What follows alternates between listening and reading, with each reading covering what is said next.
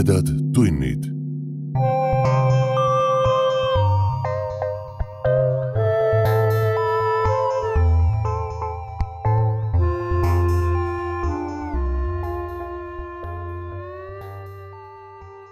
tere, hea ulmesõber. sa hakkad kuulama õudus- ja ulmejutu vestmis podcasti Tumedad tunnid viiekümne kolmandat osa. mina olen saatejuht Priit Öövel augustis oli mul rõõm külastada sellist toredat kohta nagu Kantervilla loss ehk endine Pikajärve mõis Otepää lähedal. mõisa peahoone on valminud aastal tuhat üheksasada kaheksa ja on seega vaid viis aastat noorem kui tänane jutt. praegu asub seal hotell ja Häärbergi kõrval olev mängumaa pakub lastele lusti hommikust õhtuni. kui oskate seal sõna otseses mõttes õigetele nuppudele vajutada, siis kuulete, kuidas minu hääl teile lossi ajaloost pajatab.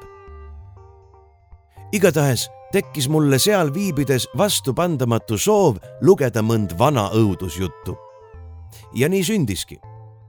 mingil meelesegadushetkel otsustasin sellega üles filmida. nii et kui te tahate näha, kuidas inimene istub pool tundi ühe koha peal ja valjusti raamatut loeb, siis hakake meie toetajaks jutu koos pildiga leiate lehelt patreon.com kaldkriips tumedad tunnid. aga nüüd lülitus Kantervilla lossi.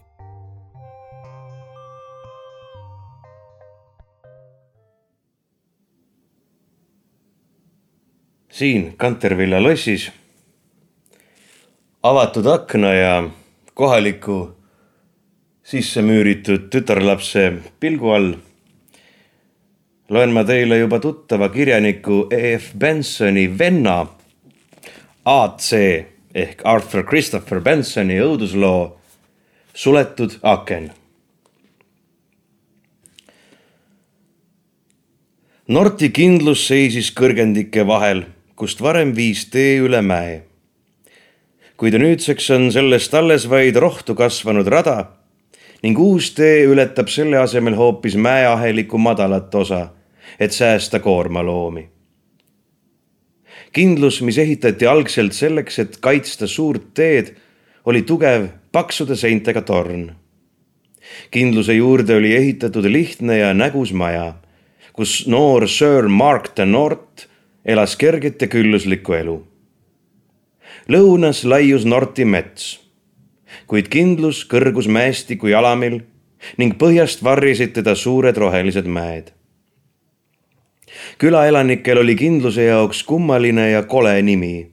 Nad kutsusid seda hirmukantsiks. kuid see nimi hakkas juba unustusse vajuma ning seda kasutasid vaid vanad mehed ja sedagi vaid siis, kui olid tähelepanematud, sest Sir Markile ei meeldinud sugugi, kui kindlust niimoodi nimetati Sir Mark ei olnud veel kolmkümmend täis ning oli hakanud rääkima, et peaks endale naise võtma. kuid tal ei tundunud sellega väga kiire olevat ning ta näis armastavat oma kerget üksildast elu sagedaste jahiretkede ja kullijahiga.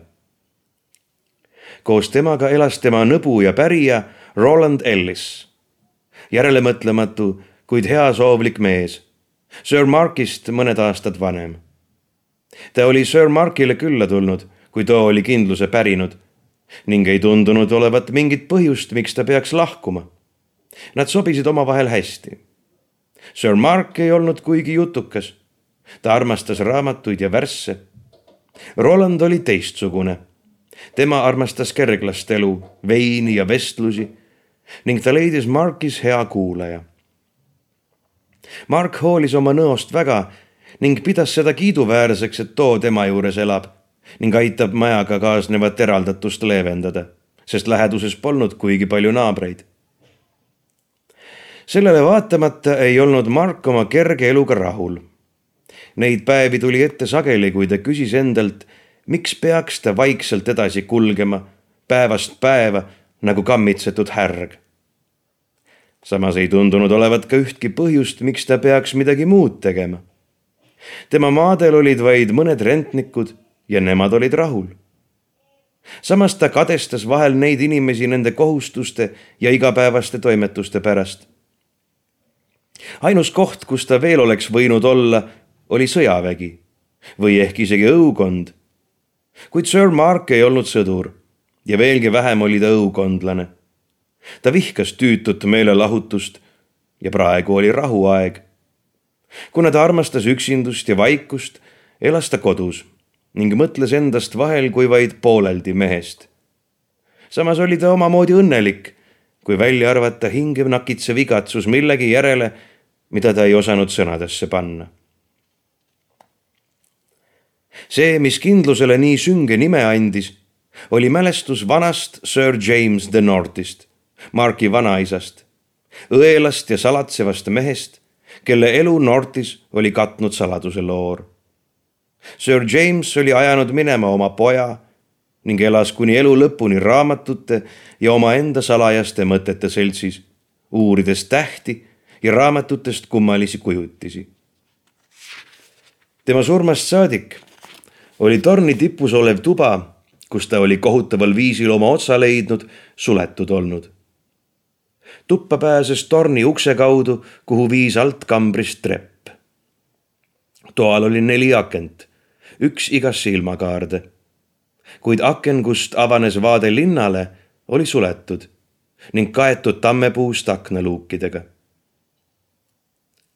ühel sajusel päeval ütles Roland, kes oli mitte millegi tegemisest tüdinud ning ärritunud, sest Mark istus vaikselt oma suures tugitoolis ning luges raamatut, viimaks oma nõole, et peab minema vaatama seda vana tuba, kuhu ta pole kunagi oma jalga tõstnud Mark sulges raamatu ning tõusis Rolandi rahutuse peale leebelt naeratades püsti, sirutas end, võttis võtme ja nad läksid koos tornitrepist üles.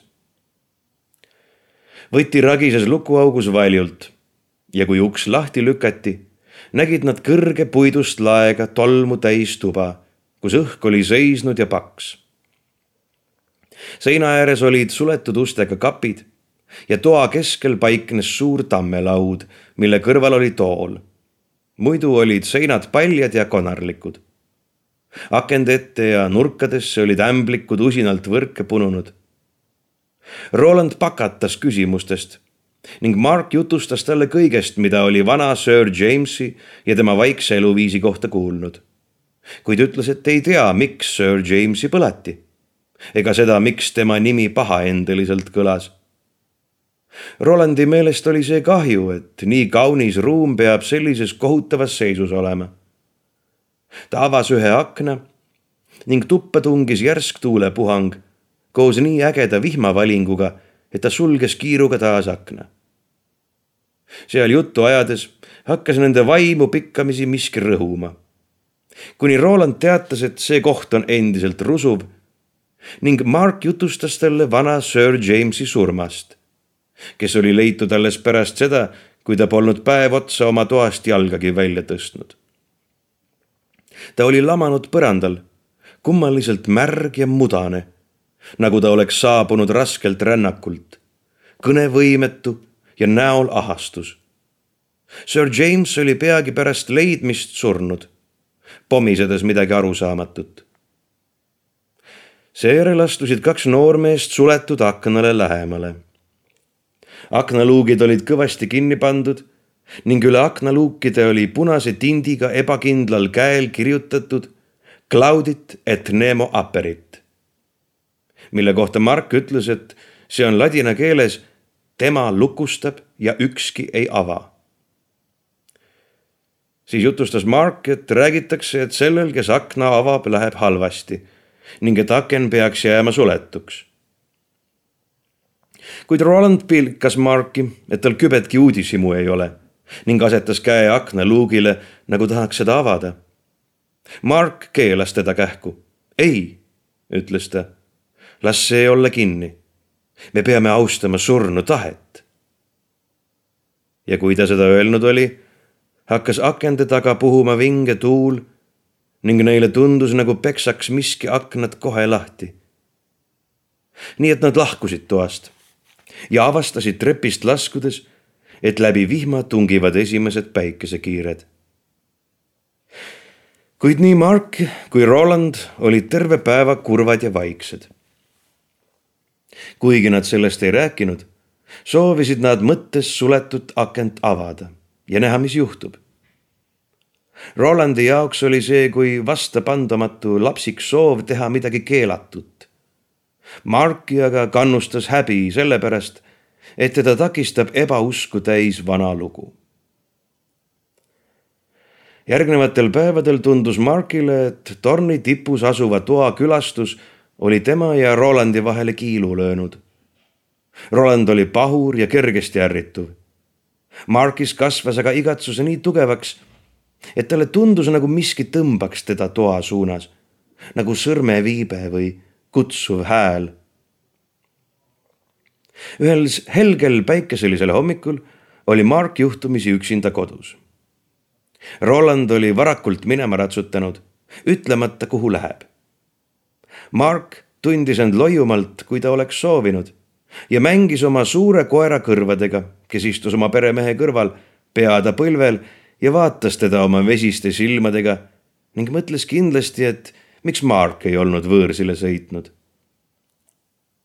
järsku langes Marki pilk ülemise toa võtmele, mis lebas aknalaual, kuhu ta selle visanud oli ning soov üles minna näris ta hinge tugevamalt, kui ta vastu panna suutis. ta tõusis kaks korda toolilt, sõrmitses kahtlevalt võtit ja pani siis selle taas käest siis aga korjas võtme järsku pihku ja läks kiiresti tornitrepist üles. aina pöörates ja pöörates, kuni ta pea käis ringi pilgu heitudest eredale maastikule läbi kitsaste akende.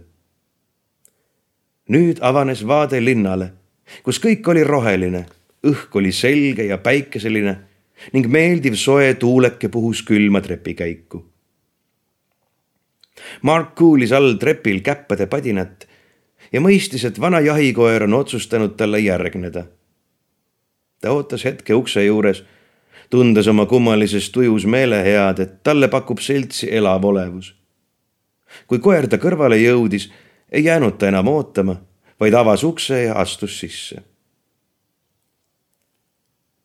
toas valitses selle kulunud välimusele vaatamata kummaline õhkkond. Ja kuigi ta ei osanud öelda, miks tundis Mark, et teda oodati. ta ei kõhelnud hetkekski ning kõndis suletud akna juurde ja jäi seda uurima. ta kuulis selja tagant mingit häält. see oli vana jahikoer, kes istus pea püsti ja nuhutas ärevalt õhku. Mark kutsus teda ja sirutas tema poole käe, kuid koer ei liikunud, vaid liputas saba justkui märku andes, et teab, et teda kutsuti ning jätkas oma rahutuks tegevat käitumist. Mark jälgis vana koera mõne hetke ja nägi, kuidas too otsustas, et toas ei ole kõik korras. sest ta heitis ukseava juurde põrandale, tõmbas jalad enda alla ja jäi hirmunult oma peremehele otsa vaatama, ise silmnähtavalt värisedes.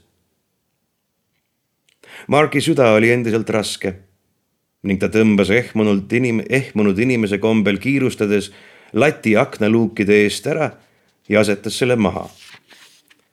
seejärel kangutas ta lahti aknaluugid. aknaorv oli täis vanu tolmuseid ämblikuvõrke, mille Mark ettevaatlikult eemaldas, kasutades selleks aknaluuke kinni hoidnud latti. oma üllatuseks nägi ta, et aken on pime või peaaegu pime paistis, nagu oleks aknast väljaspool veel mingi kate olnud. samas Mark teadis, et altpoolt vaadates on aknaruudud näha. ta tõmbus hetkeks tagasi, kuid suutmata oma uudishimu talitseda, kangutas ta roostetanud akna lahti. kuid ikka oli kõik pime ning väljast puhus sisse jäine tuuleiil tundus, nagu oleks miski kiiresti temast möödunud ning ta kuulis, kuidas vana jahikoer summutatult urises. kui ta ümber pööras, nägi ta, kuidas koer püsti hüppas, karv turris ja kihvad paljastatud. järgmisel hetkel aga pööras koer ringi ja sööstis toast välja. Mark püüdis üksinda jäänuna alla suruda temast läbi juhtuvat õuduslainet ta lasi pilgul ringi käia toas, mis oli soojast päikesevalgusest üle ujutatud.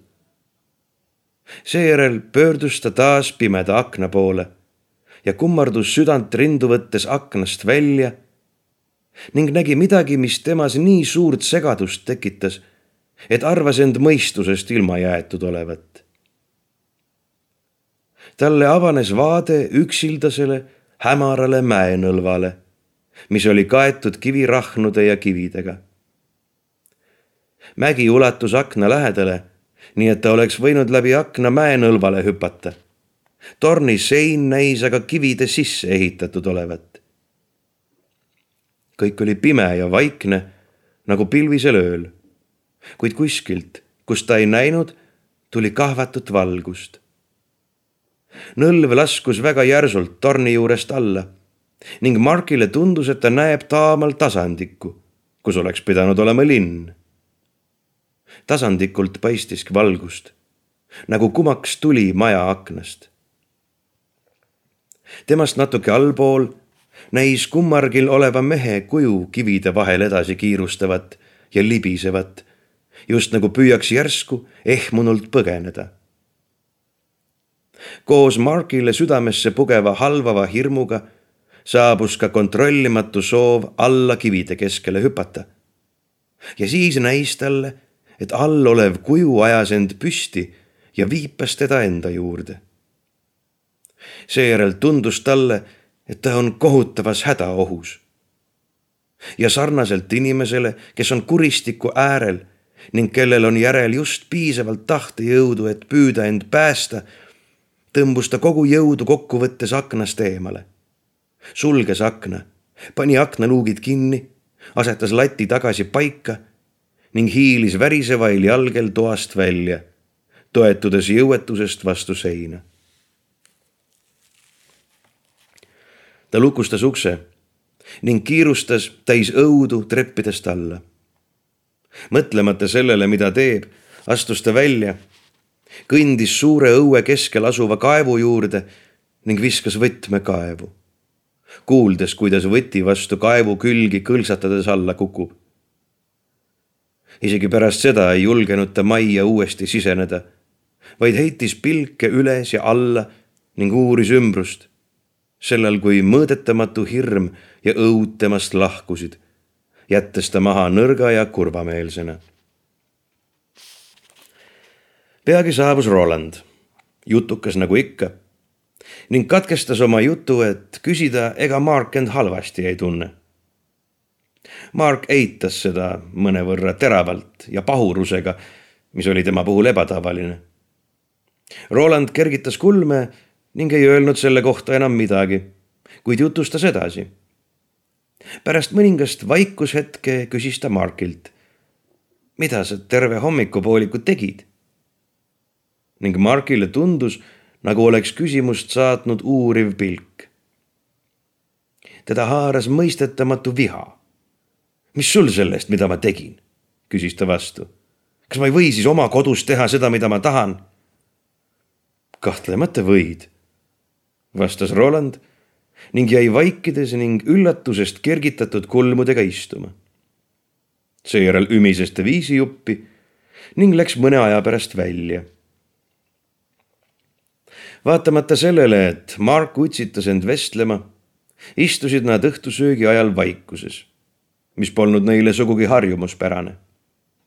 kui nad kahekesi jäid, sirutas Mark käe Rolandi poole ja ütles Roland, andesta mulle. ma rääkisin sinuga täna hommikul viisil, mis paneb mind häbi tundma. me oleme nii kaua koos elanud. kuid samas olime tülli minemisele lähemal kui eales varem ja see kõik oli minu süü. Roland naeratas ja hoidis hetke Marki kätt oma peos. ma ei pannudki tähele, ütles ta. ime, et sa sellist logelevat selli üldse talud seejärel vestlesid nad mõnda aega sõbralikus toonis nagu kaks sõpra, kes on omavahel ära leppinud. kuid hilja õhtul ütles Roland. Mark, kas on mõnd lugu selle kohta, et su vanaisa oleks endast varandust maha jätnud? küsimus ärritas Marki pisut, kuid ta kontrollis end ja vastas. ei, minu teada mitte. peale selle, et tema päris valdused rikkana, kuid jättis need endast maha vaesena. ja mida ta oma tuludega tegi, ei tea keegi. parem küsi küla vanameeste käest.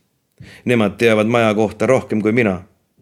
Roland, andesta, et seda ütlen kuid ma ei taha, et me Sir Jamesi nime mainiksime. ma soovin, et me poleks sellesse tuppa astunud. ma ei tea, kuidas seda öelda, kuid mulle tundub, et ta istus seal ning ootas vaikselt, et teda kohale manataks. ning mulle tundub, et me oleme ta rahu häirinud ja nagu ta oleks meiega liitunud. Ma arvan, et ta oli halb mees, kinnine ja õel ja mu mõtteis keerleb värss pühakirjast, kus Samuel ütles nõiale, miks sa tülitad mind, lastes mind üles tõusta. noh, jätkas Mark. ma ei tea, miks ma niimoodi räägin. sest ta nägi, et Roland vaatab teda huuled paokil, näol hämmeldunud ilme. kuid mu kohale on laskunud vari ning igal pool tundub olevat kurjust sellest päevast rõhus Marki vaimu raskemeelsus, mida polnud võimalik eemale peletada. ta mõtles endamisi, et oli liiga kergekäeliselt seganud end millessegi, mis oli palju mõistatuslikum ja ohtlikum, kui ta arvanud oli. nagu laps, kes oli äratanud koletise. ta nägi ka süngeid unenägusid.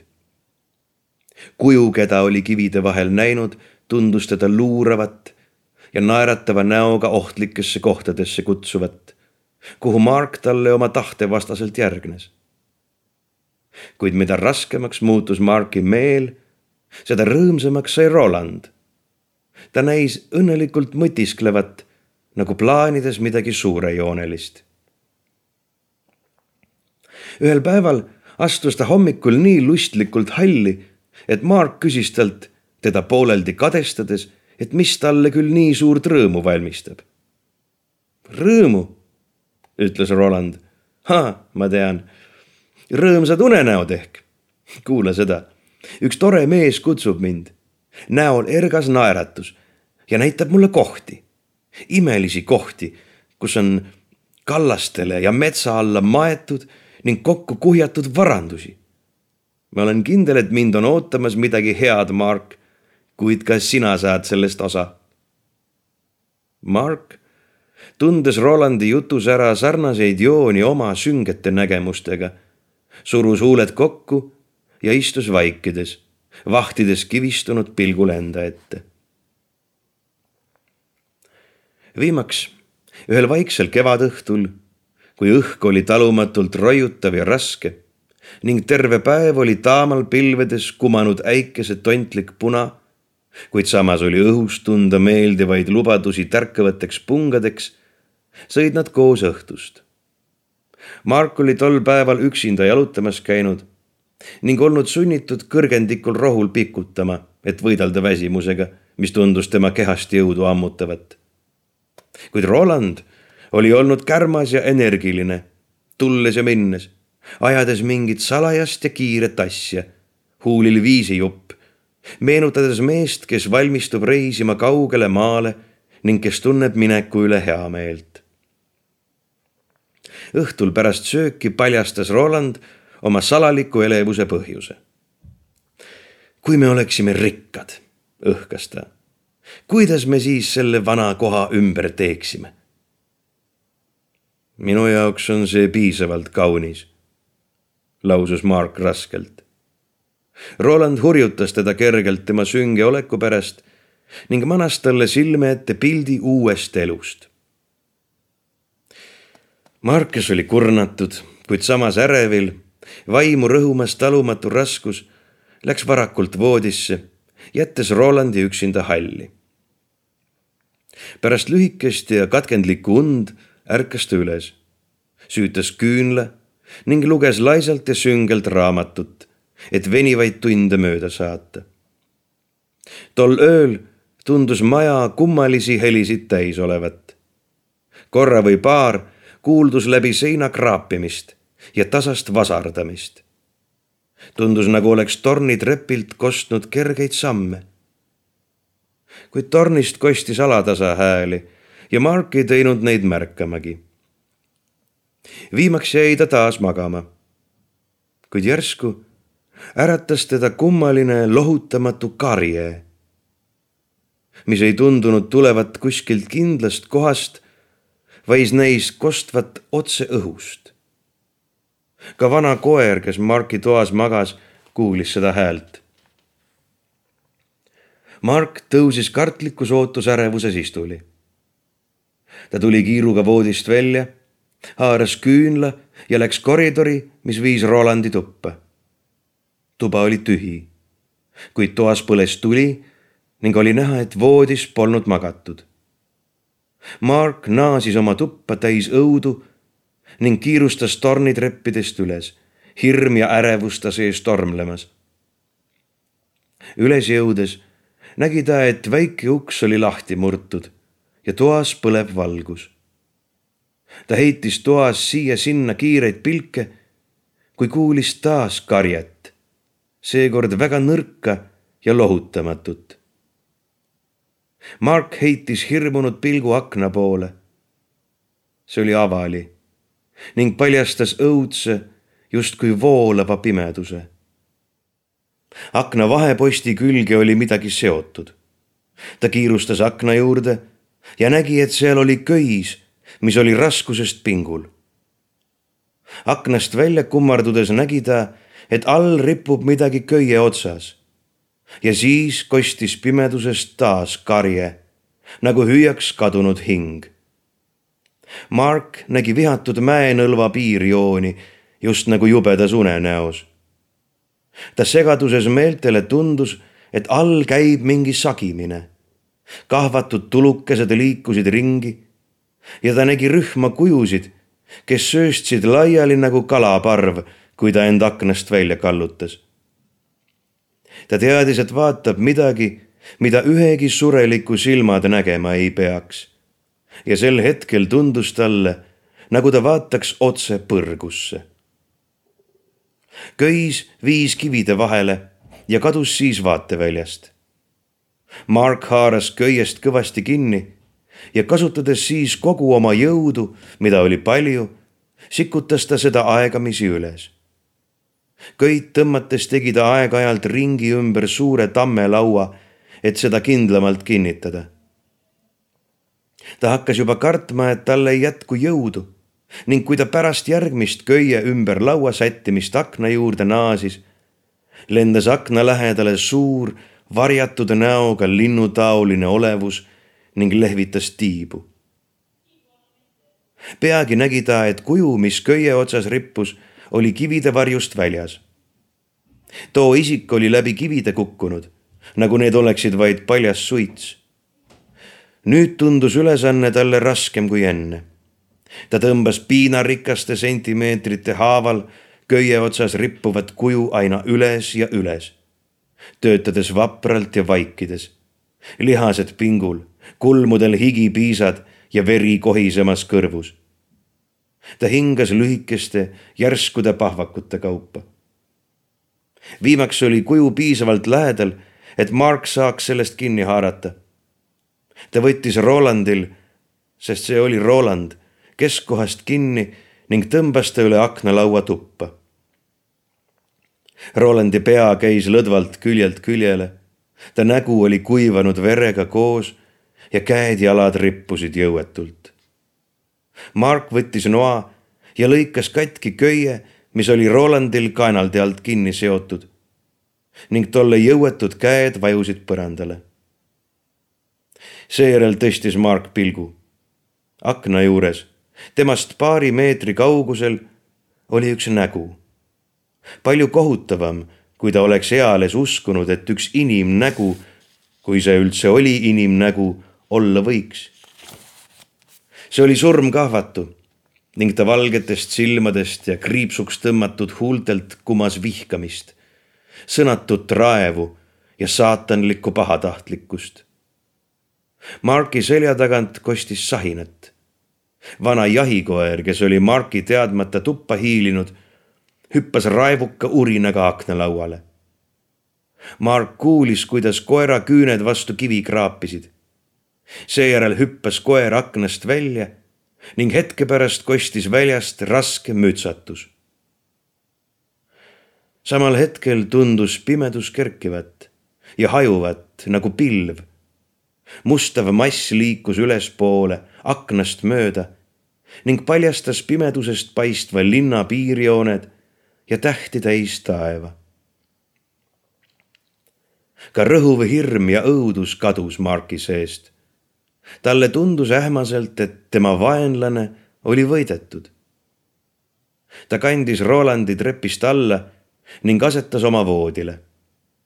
ta äratas teenijaskonna, kes talle hirmunult otsa vaatasid ning vajus siis teadvuse, ning vajus siis teadvusetuse rüppe. Marki tervis naasis aeglaselt sellel, kes on heitnud pilgu tundmatusse, on raske tavaelu juurde tagasi pöörduda. teadvusele tulles küsis ta esimese asjana oma jahikoera järele. majarahvas jutustas talle, et koera korjus leiti torni jalamilt, keha täis kohutavaid vigastusi, nagu mõni hirmus loom oleks teda lõhki kiskunud. koer maeti aeda ning hauale pandi tahvel, kus seisis Euge serve bone et fidelis. tubli, sa hea ja ustav sulane. üks rumal preester ütles kord Markile, et ei ole kohane pühakirja sõnu looma hauale panna. Mark aga vastas väsinult, et kiri on neile, kes seda loevad, et see neid alandlikuks teeks mitte selleks, et kirja all lebavat uhkeks teha. kui Mark suutis voodist tõusta, võttis ta endale esimeseks ülesandeks saata ehitajate järele ning vana Norti kindlus lammutati kivi kivi haaval ja selle asemele ehitati kaunis kabel. kindluse seinas oli olnud salajane trepp, mis sai alguse tollest ülemisest toast ja mis viis torni jalamil kasvavate leedripõõsasteni. sealt leiti kirstutäis kulda, millega maksti väikese kiriku ehitamise eest. sest enne, kui see leiti, oli Mark otsustanud kindluse koha tühjaks jätta. Mark on nüüdseks abielus ning ta lapsed on umbes põlvepikkused. külalised kohtavad ta juures ka üht kummalist kahvatut meest, kes istub Marki laua taga ja kelle eest Mark hellusega hoolt kannab. mõnikord on see mees rõõmus ja jutustab pika loo sellest, kuidas pikka kasvu nägus mees teda kutsus ning naeratades mäenõlvalt alla kulla juurde juhatas. kuigi ta ei mäleta kuida-, kunagi, kuidas kõik lõppes.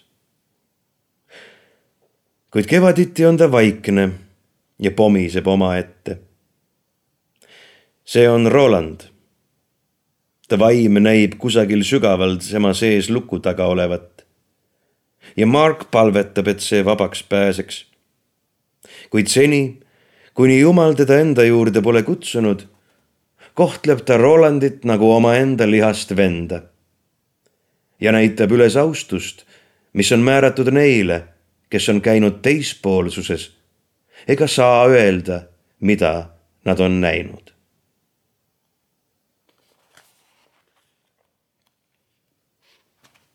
ma lugesin teile A.C. Bensoni õudusloo Suletud aken. jutt pärineb kahe tuhande üheksateistkümnendal aastal Fantaasia kirjastuses välja antud ja Raul Sulbi koostatud üleloomuliku kirjanduse antoloogiast hirmu ja õuduse jutud kaks.